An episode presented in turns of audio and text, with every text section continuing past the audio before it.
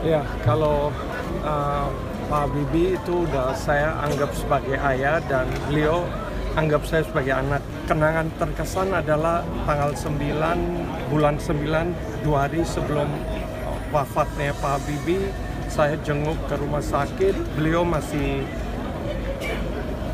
ngo- ngobrol ngomong sama saya bahwa masih nanya bahwa udah bikin film Habibie Ainun, udah bikin film tentang Rudi Habibie, sekarang film tentang Ainun.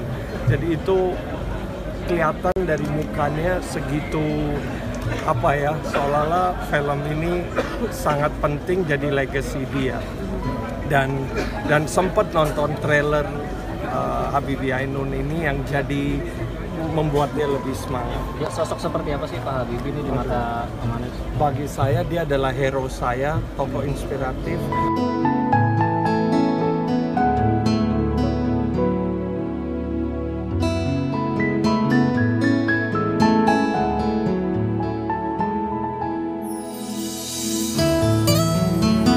Saya belum tahu Pak kreatifnya mau dibawa ke mana karena ini di luar dugaan saya.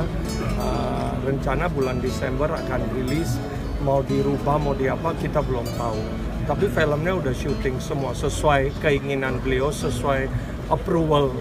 Uh, saya yang kita yang handle kreatif dia serahkan ke kita. Tapi of course kita minta pendapat dia.